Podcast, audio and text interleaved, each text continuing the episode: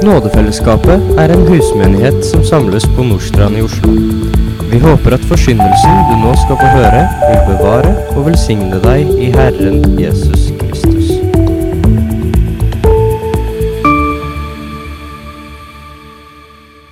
Jeg vet ikke helt hva dere har tenkt på med dagens tekst. Det er en tekst jeg har lest mange ganger, selvsagt, men kanskje aldri helt forstått rekkevidden av selv, før jeg nå virkelig måtte gå og gjøre et dypdykk inn i den. La oss lese det sammen i Jesu navn. Når den urene ånden har forlatt et menneske, flakker den om i tørre trakter og leter etter et hvilested, men finner det ikke. Da sier den, 'Jeg vil vende tilbake til huset mitt som jeg gikk ut av'. Når den så kommer dit, finner den det ledig, feid og pynta. Da går den bort og tar med seg sju andre ånder, verre enn den selv, og de flytter inn og bor der. Og for det mennesket blir det siste verre enn det første. Slik skal det også gå med denne slekt. Mens han ennå talte til folket, se, da sto hans mor og hans brødre utenfor og ville få ham i tale. Og en sa til ham, se, din mor og dine brødre står utenfor og vil få deg i tale. Men han svarte den som sa det til ham, Hvem er min mor, og hvem er mine brødre? Og han rakte hånden ut mot disiplene sine og sa, Se, det er min mor og mine brødre. For den som gjør min himmelske fars vilje, han er min bror og søster og mor. Jesus begynner dagens tekst med å fortelle en lignelse. En lignelse om en uren ånd. Og valget av bildet her er jo selvsagt ikke tilfeldig. Jesus han har akkurat helbreda en mann som var besatt av en uren ånd. En som var blind og stum. En mann som hadde hatt et liv som alle, inkludert han selv, ville ha opplevd som svært hemmende, som mørkt, som kanskje vilt, uforutsigbart. Et liv der ingenting var på stell. Der kanskje angst og frustrasjon var det som råda i hjertet. Det var et kaotisk liv. Og alt dette hadde nå endra seg ved Jesu hjelp. Så skulle man altså tro at nå var fremtiden lys. Ting så bra ut for denne mannen. At hans bekymringer nå var over. Og ja, Fra utsiden så er det ingen tvil om at disse forandringene som hadde skjedd, de var utelukkende positive. De var overveldende gode. Jesus han hadde blitt avbrutt av fariseerne, men han hadde en viktig ting å si til denne mannen. En viktig ting å lære deg og meg i dag. Og Jesus han lot ikke denne beskyldningen om at han hadde sin makt fra Satan, få få lov til å forstyrre akkurat dette budskapet, for det var så viktig. Når den urene ånden har forlatt et menneske, flakker den om i tørre trakter og leter etter et hvilested, men finner det ikke. Så har vi tidligere sett sammen på hvordan urene ånder de trakter etter en kropp å bo i. Noe fysisk. De foretrekker et menneskes kropp, synes det. Men når Jesus møter mannen som var besatt av en legion, så ser vi at onde ånder de til og med foretrekker altså dyr. Noe, etter det annet, som skaper et fysisk legeme, framfor å ikke ha noen ting. Og Bibelen den forteller oss ikke direkte hvorfor det er slik, men sammen med en del andre kilder som da er sitert i Bibelen, så blir vi gitt en del informasjon som gjør at noen slutninger her kan synes naturlig å falle ned på. Urene ånders opprinnelige natur var ikke som rent åndelige vesen. Det kan det ikke ha vært, for da hadde de ikke trakta etter et legeme, en kropp å bo i. Og det utelukker egentlig at dette må være falne engler, for de er rene åndelige vesener. Samtidig synes det ikke å være snakk om en menneskes ånd. For slike ånder ville umulig kunne hatt den type makt som disse synes å ha. Og de ville ikke flakke hvileløst rundt omkring før frelsen og før dommen. Og så er det åpenbart at disse er klar over at for disse så finnes det ingen frelse. De går og venter på Guds dom. Og så virker det altså interessant nok at disse er klar over når denne dommen kommer. De vet tidspunktet. Og alt dette tyder på at vi har å gjøre med vesener som har et jordisk opphav, men som ikke er fra Guds opprinnelige skapelse. Det eneste vi altså, finner i Skriften som kan passe med dette, det er jo det vi leser om i 1. Mosebok 6, om disse englene som fikk barn med menneskenes kvinner. Og så skapte altså dette mennesker med en uren ånd. Vesener som opprinnelig hadde en fysisk kropp. Og disse kan vi lese om at de omkom i stor grad gjennom vold før flommen. Eller så omkom resten av de som en følge av selve flommen. Og Dette kan være et hint om hvorfor de i mangel av en kropp liker å flakke altså omkring i tørre trakter. De synes ikke å være spesielt glad i vann. Og der i disse tørre traktene så søker de altså et hvilested, sier Jesus. Men så kommer altså Jesus med interessante opplysninger her, for han sier at det finner de ikke. De finner ingen hvile. Og Det kan altså synes derfor som at det er det eneste sted hvor slike ånder, urene ånder, kan oppleve noen form for hvile, det er når de får besette en kropp. Når de får et legeme. Og igjen så kan vi bare spekulere i hvorfor det er slik. Måten besatte mennesker oppfører seg på, vitner ikke nødvendigvis om så stor hvile. I hvert fall ikke for det mennesket det gjaldt. Om hvilen til de urene ånder ligger kun i det at de har tatt bolig i en fysisk kropp, eller om det er noe annet, det vet vi ikke.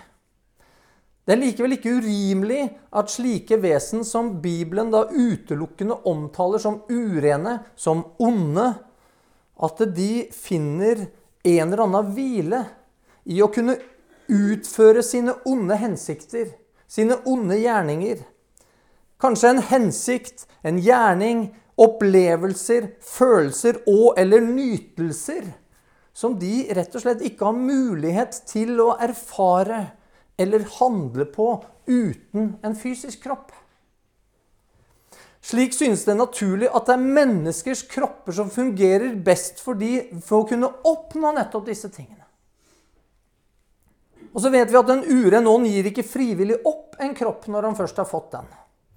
Det vitner Bibelen tydelig om. Slike vil altså ikke bli fratatt denne hvile de finner ved å omringe eller plage eller til og med kontrollere et menneske. Og Hvis man begynner å tenke litt på dette, så kan et menneske spørre seg om altså det er mer enn bare det gamle mennesket man egentlig tilfredsstiller når man fyller seg med det som er urent, gjennom munnen, gjennom øynene, gjennom ørene og ved urene former for kroppslig omgang. Jesus han bruker i dagens tekst denne urene ånden som et bilde på et liv som er fylt av synd og kaos. Et liv der et menneske fyller seg med det urene. Men et menneske kan jo endre seg. Det kan legge av seg dårlige vaner.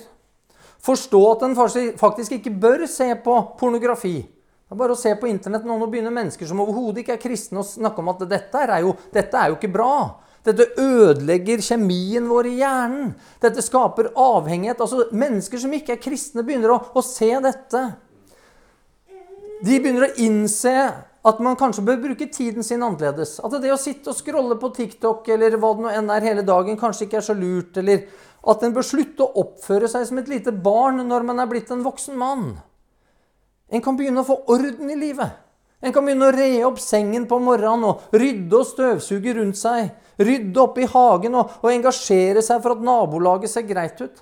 Ja, vet du, Alt slikt det kan mennesker få til.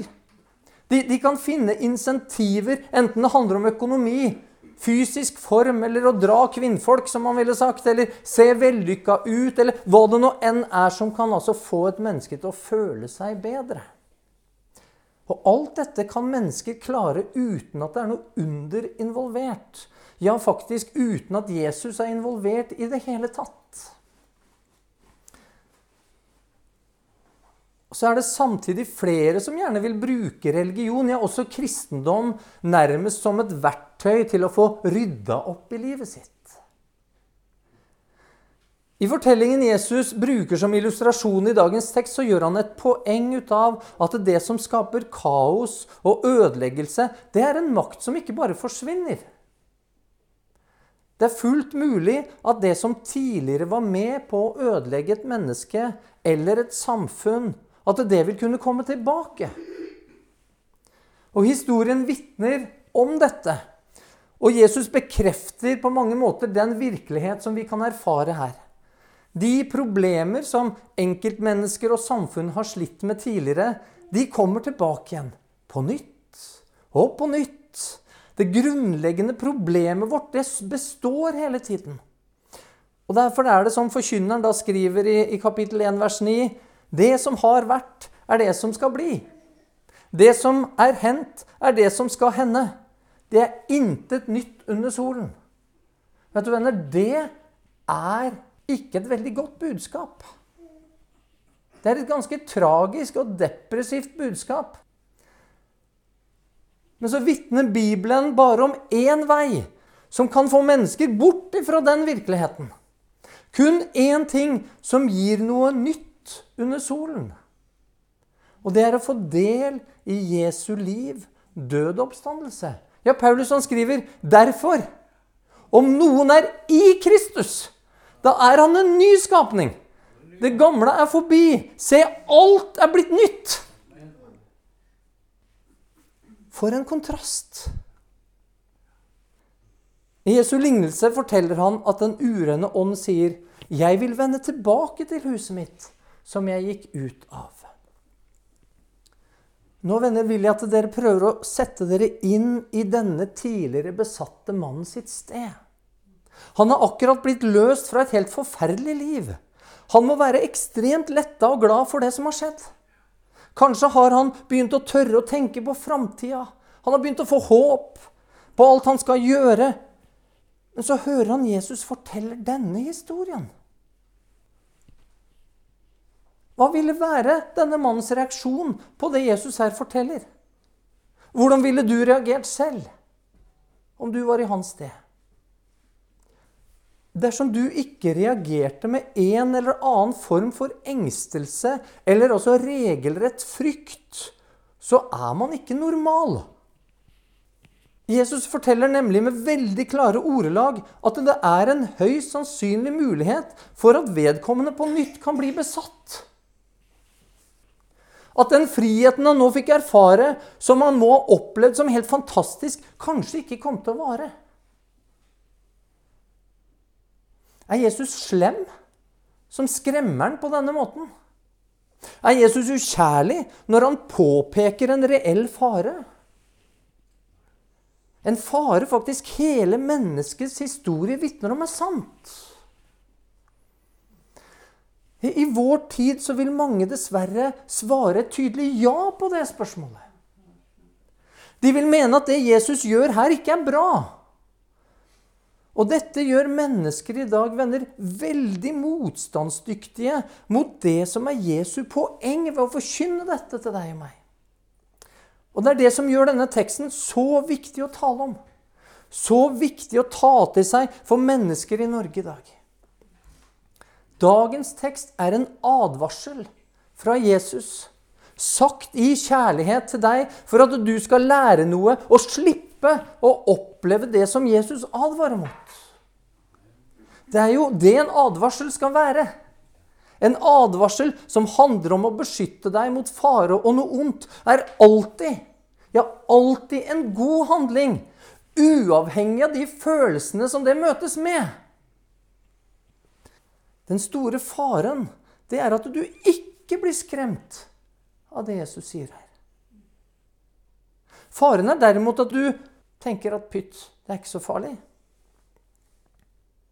Så det er altså ikke farlig om du lar deg skremme av det Jesus her sier. Det er mye farligere hvis du ikke lar deg skremme. Grunnen til at mennesker ofte ikke tar denne advarselen alvorlig, er fordi ting kan se så greit ut. Når den så kommer dit, finner den det ledig, feid og pynta. Det er nemlig vanskelig venner, å se fare Vanskelig å se problemer der det ser feid og pynta ut. Vanskelig å påpeke noe når det utvendig ser ut som at alt er i orden. Når økonomien er på plass, og et menneske tilsynelatende har orden på livet sitt og, og synes å leve moralsk. Når det ser ut som om liv og samfunn er velsignet av Gud. Ja, var han ikke velsignet av Gud, da? Han som nettopp var blitt helbreda? Jo, han hadde jo fått oppleve Guds nåde. Han hadde fått oppleve Guds generelle nåde. Den som lar det regne over rettferdige og urettferdige. Den som nåde som lar mennesker fortsatt få lov til å leve og få oppleve enda en soloppgang istedenfor å dø. Men det er en ting som er merkelig fraværende i denne mannens liv og, og i vårt samfunn. Det finnes altså ingenting som tyder på at denne mannen takker Jesus for det han har fått. Det er ingen spor av at han priser Gud Ingenting som tyder på at han vil gjøre Jesus til herre i sitt liv. Det er ingen spor av tro. Hans hus, ja, altså hans hjerte, er ledig. Jeg husker når jeg var liten, så, så kunne vi spørre liksom, jentene er du, er du ledig. Nei, jeg er opptatt. Men det passer veldig bra i dagens tekst, det, venner. Jesus visste dette, og derfor så advarer Jesus ham på det sterkeste altså om at det der det er åpent, der er det noe som ønsker å ta bolig. Der er det noe som vil inn. Og Det synes altså som at Jesus visste noe om denne mannen som gjorde det nødvendig for Jesus å komme her og advare han på det sterkeste om hva som vil skje dersom det forble slik i hans liv. Det er ingenting som tyder på at han tok imot Jesu advarsel. Han var kanskje for opptatt med å glede seg over sin nyvunne frihet. Han var for opptatt med å tenke på framtida. Han ønska ikke å dvele ved livets alvor. Og kanskje var han til og med litt fornærma, ja, kanskje litt sint nå på Jesus for at Jesus snakker om muligheten for å bli besatt på nytt. Det skjer jo ikke meg. Ja, kanskje tenkte han sånn. Men Jesu ord tyder derimot på det motsatte.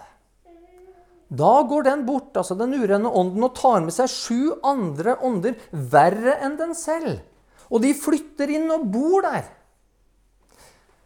Om et menneske ikke tar Jesu advarsel på alvor, livets realiteter på alvor, lærer noe av historien, så kan altså selv et liv som har vært preget av besettelse, stumhet og blindhet og alt som følger med det, av fattigdom og mangel på menneskelige relasjoner Ja, man kan oppleve noe som er verre, sier Jesus. Og Da må ikke du komme til meg og si at dette Jesus her sier, ikke kan oppleves brutalt. For menneskelig sett så er det nemlig ganske vanskelig å forestille seg noe som er særlig verre enn dette. Og Vi skjønner derfor at det Jesus snakker om her, det, det kan ikke bare handle om at det altså kan bli verre jordisk sett, altså i tiden, men at Jesus her åpenbart taler om en virkelighet utenfor tiden. Han taler om en evig virkelighet som kan preges av noe som altså er vesentlig verre. Jesus peker på én grunn at dette som er verre, kan skje. Hva er det han sier? Jo, han sier huset er ledig. Hus er ledig. Mennesker eller samfunn er åpne. Ja, de inkluderer alt og, og alle. De tolererer det meste. Later samtidig som at det er nøytralt. En vil liksom ikke stå for noe.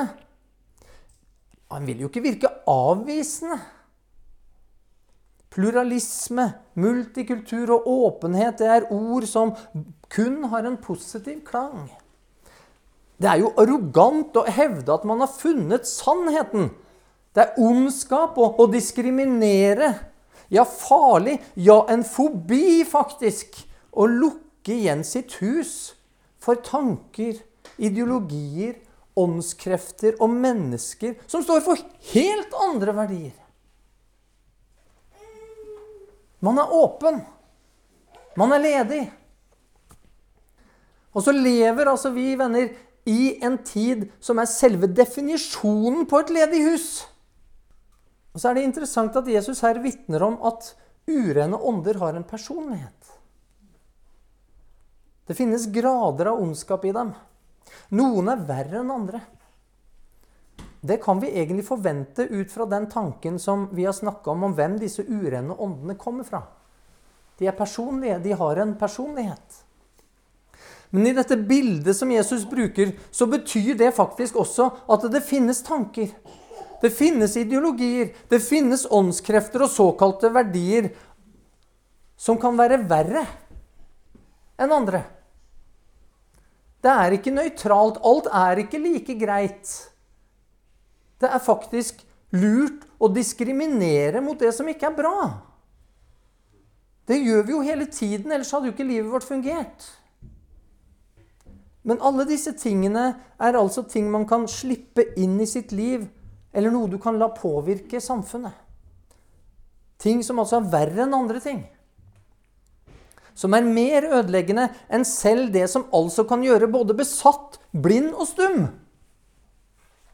Faren er altså at slike ting gjerne kryper inn når det endelig ser ut som ting er i orden. Når vi har det bra. Når det ser rent og pent ut. Når samfunnet endelig er kommet ut av kaos, og en begynner å tenke at nå ser alt så mye bedre ut. Når omstendighetene er slik at en kunne ha begynt å rose seg av sin egen fortreffelighet både som enkeltmenneske og som samfunn. Og så kan vi se dette i vår vestlige historie de siste 130 år. For det er en eneste lang gjentagende ting av dette fenomenet. Mot slutten av 1800-tallet så var det en voldsom optimisme. Mennesker kunne klare nærmest hva som helst. Vi var blitt så fortreffelige i egne øyne at nå skulle vi finne ut alt selv. Vi trengte ikke denne boka lenger som skulle fortelle oss om historien. Som skulle fortelle oss om hvordan vi skulle leve. Nei, vi skulle finne det ut selv, for nå var vi så opphøyet, så utviklet, så vi måtte kvitte oss med det som var også overtro.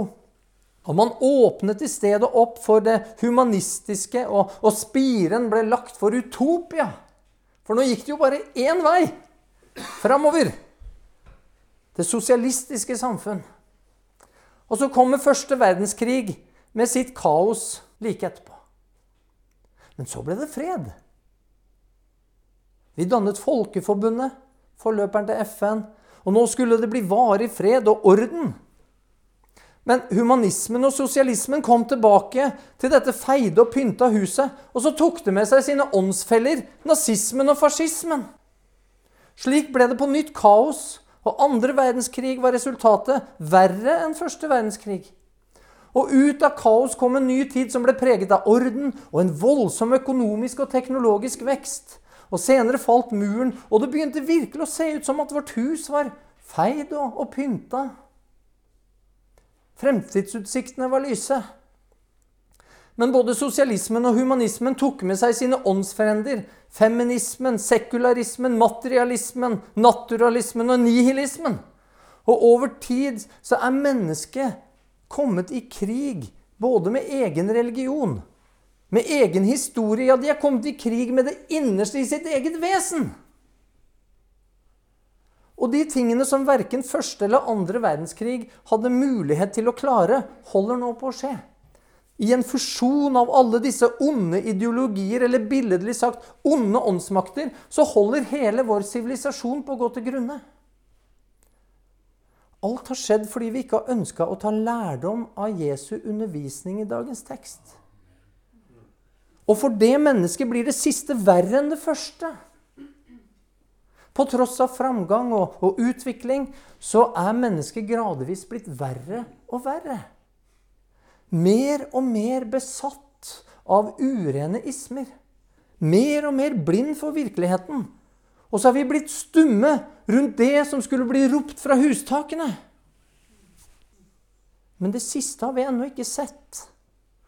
Men det synes fra Bibelen å være at mennesker går i forbund med den onde selv i form av antikrist, og dermed beseiler sin evige skjebne. Og så har alt dette, venner, alt dette har vært forutsagt gjennom jødene som folk. Kristenlivet, ørkenvandringen altså Det jødene har vært brukt hele tiden som et bilde på hva Gud kommer til å gjøre i tid og evighet. Hva, hvordan mennesker forholder seg til Gud og det han kommer med. Og akkurat på samme måte altså, så bruker Jesus i dag denne jødiske mannen han helbreda, for å advare deg og meg. Slik skal det også gå med denne onde slekt. Fariseerne hadde avvist Jesus. De beskyldte ham for å være fra Satan, og det Jesus advarte om, kunne skje med mannen. Det Jesus advarte om, kan skje med deg og med meg. Det sa han rett ut skal skje med denne onde slekt. Altså med de som sto der, med jødene. Fikk Jesus rett? Når vi leser i Det gamle testamentet, så framtrer det venner noe som kan synes overraskende. Der opplever vi at jødene gang på gang kommer i vanskeligheter. Huset deres er slett ikke stelt og pynta. Det er kaos som råder. Folk har vendt seg bort ifra Gud. Ja, de har begynt med avgudsdyrkelse. Igjen og igjen. Men så kommer det altså tider der folket omvender seg. Tider der de på nytt søker Herren. Der kaos og vanskeligheter får dem nettopp til å venne seg til Gud. Og så får de oppgi sine falske ideologier og sine falske religioner. Tider der de på nytt får nåde av Gud. Men så skjer det noe underlig. Noe veldig underlig skjer. For Guds dom og kaos kommer i form av bortførelsen til Babylon. Og så Gjennom sin nåde og gjennom sine profetier så skal folket få vende tilbake igjen. Det sto det om Jeremia om de 70 år, og der beskriver også Jesaja om 150 år før kong Kyros kom, og nevner han til og med med navn. Og vet dere at det fra den tid og fram til i dag så har jødene aldri drevet med avgudsdyrkelse igjen. De synes på en måte å har satt sitt hus i orden. De utvikla kanskje den strengeste og mest trofaste gudsdyrkelse noe folk noen gang har hatt. På Jesu tid så møtte man dette i form av fariseerne. Folk som det fra utsiden av syntes som hadde feid og pynta voldsomt. Jødene hadde tatt seg sammen. De hadde funnet måter og ordninger, lære og tradisjoner, en religiøs utfoldelse som gjorde at de trodde at nå får vi det til. Det er i orden med oss nå. Men deres hjerte lot seg ikke fylle av sann gudsfrykt og ydmykhet. Deres hus var faktisk blitt stående ledig midt i deres gudsdyrkelse. Og så kom det inn det som så veldig, veldig lett vil trenge seg inn hos meg, og også hos deg, nemlig stolthet og selvrettferdighet. Og den brutale virkelighet er at dette siste for jødene er blitt mye verre enn det første. Så lenge de drev med hor i form av avgudsdyrkelse, så fikk de likevel altså stadig oppleve vekkelser. Det er ganske spesielt. Tider der de tok imot budskap fra Gud. Da var de ikke altså fylt med selvrettferdighet. Så de forsto at når, når kaos kom, så trengte de noe fra Gud. Men etter at Jesus kom og fram til denne dag, 2000 år senere, så har jødene aldri opplevd en sann vekkelse som gjelder hele folket og hele nasjonen. De har aldri vendt seg om fra sin selvrettferdighet og sin stolthet. Selv ikke når det største kaos og mørke nådde dem i form av holocaust, så vendte de ikke om til Gud. Nei, faktisk så drev det de fleste av dem bort. Enda lenger bort ifra Gud. Og i dag så er de fleste jøder mer eller mindre ateister. Og flere av dem har stått i bresjen og er grunnleggere for, dessverre må vi bare si det som sant er, for disse urene ideologier som har ødelagt troen på Jesus, og som holder på å ødelegge vår sivilisasjon. For de er flinke. De er smarte. Marx og Vi kunne snakka om de som starta feministiske bevegelsen og sosialismen. Og, mange av disse bevegelsene starta av meget dyktige jøder. Jødene de hadde fått nåde fra Gud. Ja, en så stor nåde at han sendte sin sønn rett inn i deres midte. En som helbreda og gjorde alle ting vel. Men som med mannen så takket de ham ikke som Gud. De trodde ikke på han. De trodde ikke at han var den han sa han var. Skaperen av himmel og jord. De fikk ingen relasjon med han enda de kjente Gud. Og så ille, venner, er dette at de i fremtiden, i stedet for å omvende seg og søke frelse i Kristus, heller kommer til å søke en relasjon med den onde selv og skrive under på en fredsavtale med han.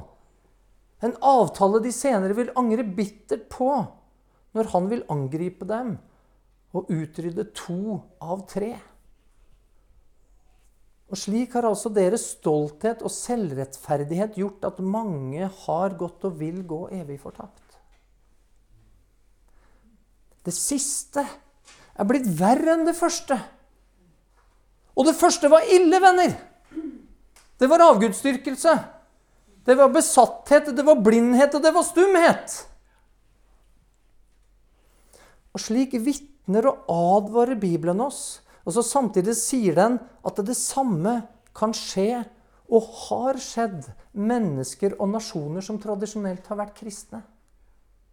For enda de kjente Gud, æret eller takket de ham ikke som Gud. I stedet ble de tomme i sine tanker, og deres uforstandige hjerter ble formørka. Og Da står vi igjen med en viktig spørsmål. Hvordan kan du unngå at dette skjer med deg? Hvordan kan du unngå at ditt hjerte fylles av selvrettferdighet og stolthet? Hvordan kan du unngå at hjertet fylles av onde ideologier og onde åndsmakter? Det var Jesus veldig klar til å svare på, akkurat som jeg er. Men det kan jeg ikke akkurat her, for nå ble Jesus avbrutt igjen. Så hindra likevel ikke dette ham fra å lære deg og meg det vi trenger å høre. Han bare fletta det inn i situasjonen på mesterlig vis. Mens han ennå talte til folket, se, da sto hans mor og hans brødre utenfor og ville få han i tale. Hvorfor hans familie, hans mor og brødre står utenfor, det sier ikke Bibelen noen ting om. Det vi vet, er, hans, det er at hans brødre trodde ikke på han ennå. Ja, det er kanskje grunn til å faktisk tro at på tross av altså at Maria hadde fått alt denne åpenbaring, på tross av hennes store og fantastiske lovsang, så var det rett og slett ikke sikkert at hun heller trodde ennå. Kanskje hadde de hørt om planene om å få rydda Jesus av veien, og så var de kommet for å advare han. Kanskje kom de for å få han med seg og holde han borte litt fra offentligheten til at fiendtlighetene hadde liksom roa seg. Kanskje så var de rett og slett flau. Jesus han gjorde dem til latter. Æren ble ikke holdt i hevd. De ville få han til å slutte å angripe fariseerne og de skriftlærde. Kanskje. Se, din mor og dine brødre står utenfor og vil få deg i tale. Jesus ble altså avbrutt igjen. Og Det kan være ganske irriterende når man forsøker å si noe viktig. Og her driver faktisk Jesus og forteller om noe som har evig betydning. Dette er viktig. Det han nå skal si, var kjempeviktig. Men han svarte den som sa det til ham. Hvem er min mor, og hvem er mine brødre? Jesus han fortsetter sin undervisning som om ingenting har hendt. Det, det, er ingenting i Skriften som tyder på at han snakka noe med sin mor og brødre. Det kan altså hende han gjorde det i en eller annen pause mellom det vi leser om i dag, og det vi skal lese om neste søndag, når han går ut av huset og tar en tur ned til stranda. Men det sier ikke Bibelen noen ting om. Men nå var det viktigere for Jesus at du og jeg får svar. At, og Derfor så stiller han dette spørsmålet Hvem er min mor, og hvem er mine brødre? Også de som sto der, må ha kjent på spenning rundt hva er det Jesus skal si nå. For mora og brødrene sto jo utafor, så, så måtte noe, han måtte ha noe annet i tankene enn det, liksom det helt opplagte her. Så svarer Jesus umiddelbart selv. Og Så rakte han hånda ut mot disiplene sine og så sa, Se, det er min mor og mine brødre. Jesus han, han, spør fordi han holder på å gi oss løsningen på hvordan mennesker kan unngå at noe verre skal skje med oss. At det første som ramma den besatte mannen, ikke skal bli til noe enda verre nå når hans hus er kommet i orden. Nå når han har møtt Guds nåde. Nå når livet ser lyst ut. Akkurat den tiden som altså ironisk nok kanskje kan være den aller farligste for deg og meg. Den farligste tiden for et samfunn. En tid der man har overskudd til å tenke. Tid til å bestemme seg. Tid for å peke ut en retning. Der det er såpass orden at den ikke bare er et produkt av det kaos som noen ganger kan omgi et menneske og et samfunn. Der du har mer enn nok med bare å overleve fra dag til dag. Og så peker Jesus bokstavelig talt på løsningen. Peker på løsningen. Han peker på relasjonen et menneske må få til Gud.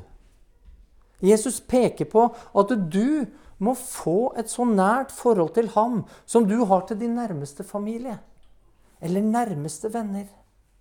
Han peker på at du må bli hans disippel. Og slik blir du en del av Guds familie. Slik innesluttes du av kjærlighet. En kjærlighet som det er uendelig mye av i Guds relasjon til sine barn. En relasjon som gjør at huset ikke lenger er ledig. Men det er fylt.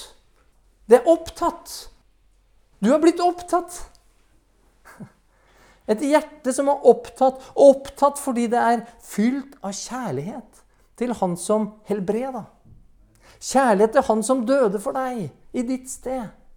Som sonet din synd. Som tok på seg den straffen som du skulle hatt. Kjærlighet til Han som har adoptert deg inn i sin familie. Og som dermed altså har gitt deg den største gave som du noen gang vil kunne få. Et hus, et, et hjerte som ikke er ledig. Det er blitt altfor opptatt med Guds herlighet, med Guds storhet. Opptatt med det Han har gjort. For opptatt med å gjøre Guds vilje til at det finnes plass for stolthet og selvrettferdighet. Altfor fylt av sannhet og ydmykhet, fylt av nådens erfaringer. Et personlig møte med den levende Jesus Kristus. Det er altfor fylt av dette til at det kan fylles av onde ideologier og onde åndsmakter. For den som gjør min himmelske Fars vilje, han er min bror og søster og mor. Jesus sier altså at han har en nær relasjon med Ja, han elsker dem som gjør Guds vilje. Jesu advarsel i dagens tekst den er skremmende. Den vitner om fortapelsens realitet. Ja, selv for den som har fått et møte med Jesus selv for den som Jesus har satt fri og helbredet. Selv for den som Jesus døde og sto opp for. For han gjorde det jo for hele verden. Men det holder ikke om du lar ditt hus være ledig. Om han ikke får lov til å fylle deg. Og så elsker Jesus deg så mye at han vil at du skal kjenne hele sannheten. Også om de deler av virkeligheten som ikke skaper så veldig gode følelser der og da. Men den viktigste sannheten det er at Gud ikke ønsker at noen skal gå fortapt. Han vil ikke at du skal gå fortapt. Han elsker deg. Han vil at alle mennesker skal komme til sannhetserkjennelse. Og Derfor så vitner Jesus sant om livet, om døden og om evigheten. Slik at både sannheten og kjærligheten er på denne måten altså uløselig bundet sammen. Og begge erfares i lydighet til Gud. Og Derfor så oppsummerer Johannes kjærlighetens apostler slik.: På dette kjenner vi at vi elsker Guds barn, når vi elsker Gud og holder Hans bud. For dette er kjærligheten til Gud, at vi holder fast på Hans bud, og Hans bud er ikke tunge. Enten tidene rundt deg er fylt av kaos, eller de er fylt av orden, så trenger du en relasjon til Jesus. For det er kun i ham du kan bli et Guds barn. For dette makter du ikke selv. Du makter det ikke om du blir aldri så flink til å feie og pynte i livet ditt. Det er kun den sanne kjærligheten gjennom en personlig relasjon til Jesus som virkelig kan sette ditt hus i orden. Du trenger ikke å være så bekymra for at ikke alt er på stell i det ytre. For det aller viktigste er ikke at du har orden på denne utvendige fasaden. Men at ditt hjerte er opptatt av å holde fast på Guds vilje. Og venner, det som da veldig fort skjer, det er at den fasaden begynner å slå sprekker, faktisk. Den ser mindre bra ut enn før, i hvert fall inni din egen, i din egen tanke om hvem du selv er. Da begynner altså fasaden å slå sprekker, og så vil du oppleve som alle mennesker at dette legemet begynner å forfalle. Og så gjør det ingenting. Det gjør ingenting! Fordi det siste her blir uansett uendelig mye bedre enn det første.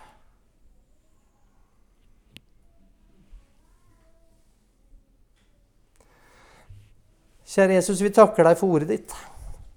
Vi takker deg for at du kommer med sannhet. Vi takker deg for at du tør å si det som det er.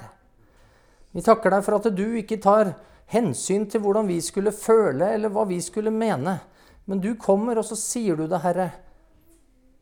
Men så kommer du med en åpen favn. Og du sier, 'Jeg elsker deg. Jeg vil, jeg vil ha en relasjon med deg.' Jeg må akkurat deg. Og så har du nåde nok. Du har alt det vi trenger, Herre. Og så har du sagt at uh, vi skal få et helt nytt legeme. Et herlighetslegeme som er perfekt. Og Derfor så skal vi slippe å streve for å pynte på en fasade som vi aldri likevel vil kunne klare å få slik den burde være. Men så har du sagt at vi skal være opptatt av én ting, og det er at vi får lov til å holde fast ved ditt ord og dine bud. At vi fyller vårt liv med det, at det ikke er plass til noe annet. Herre, må du sette vårt hus i stand på den måten. I Jesu navn. Amen.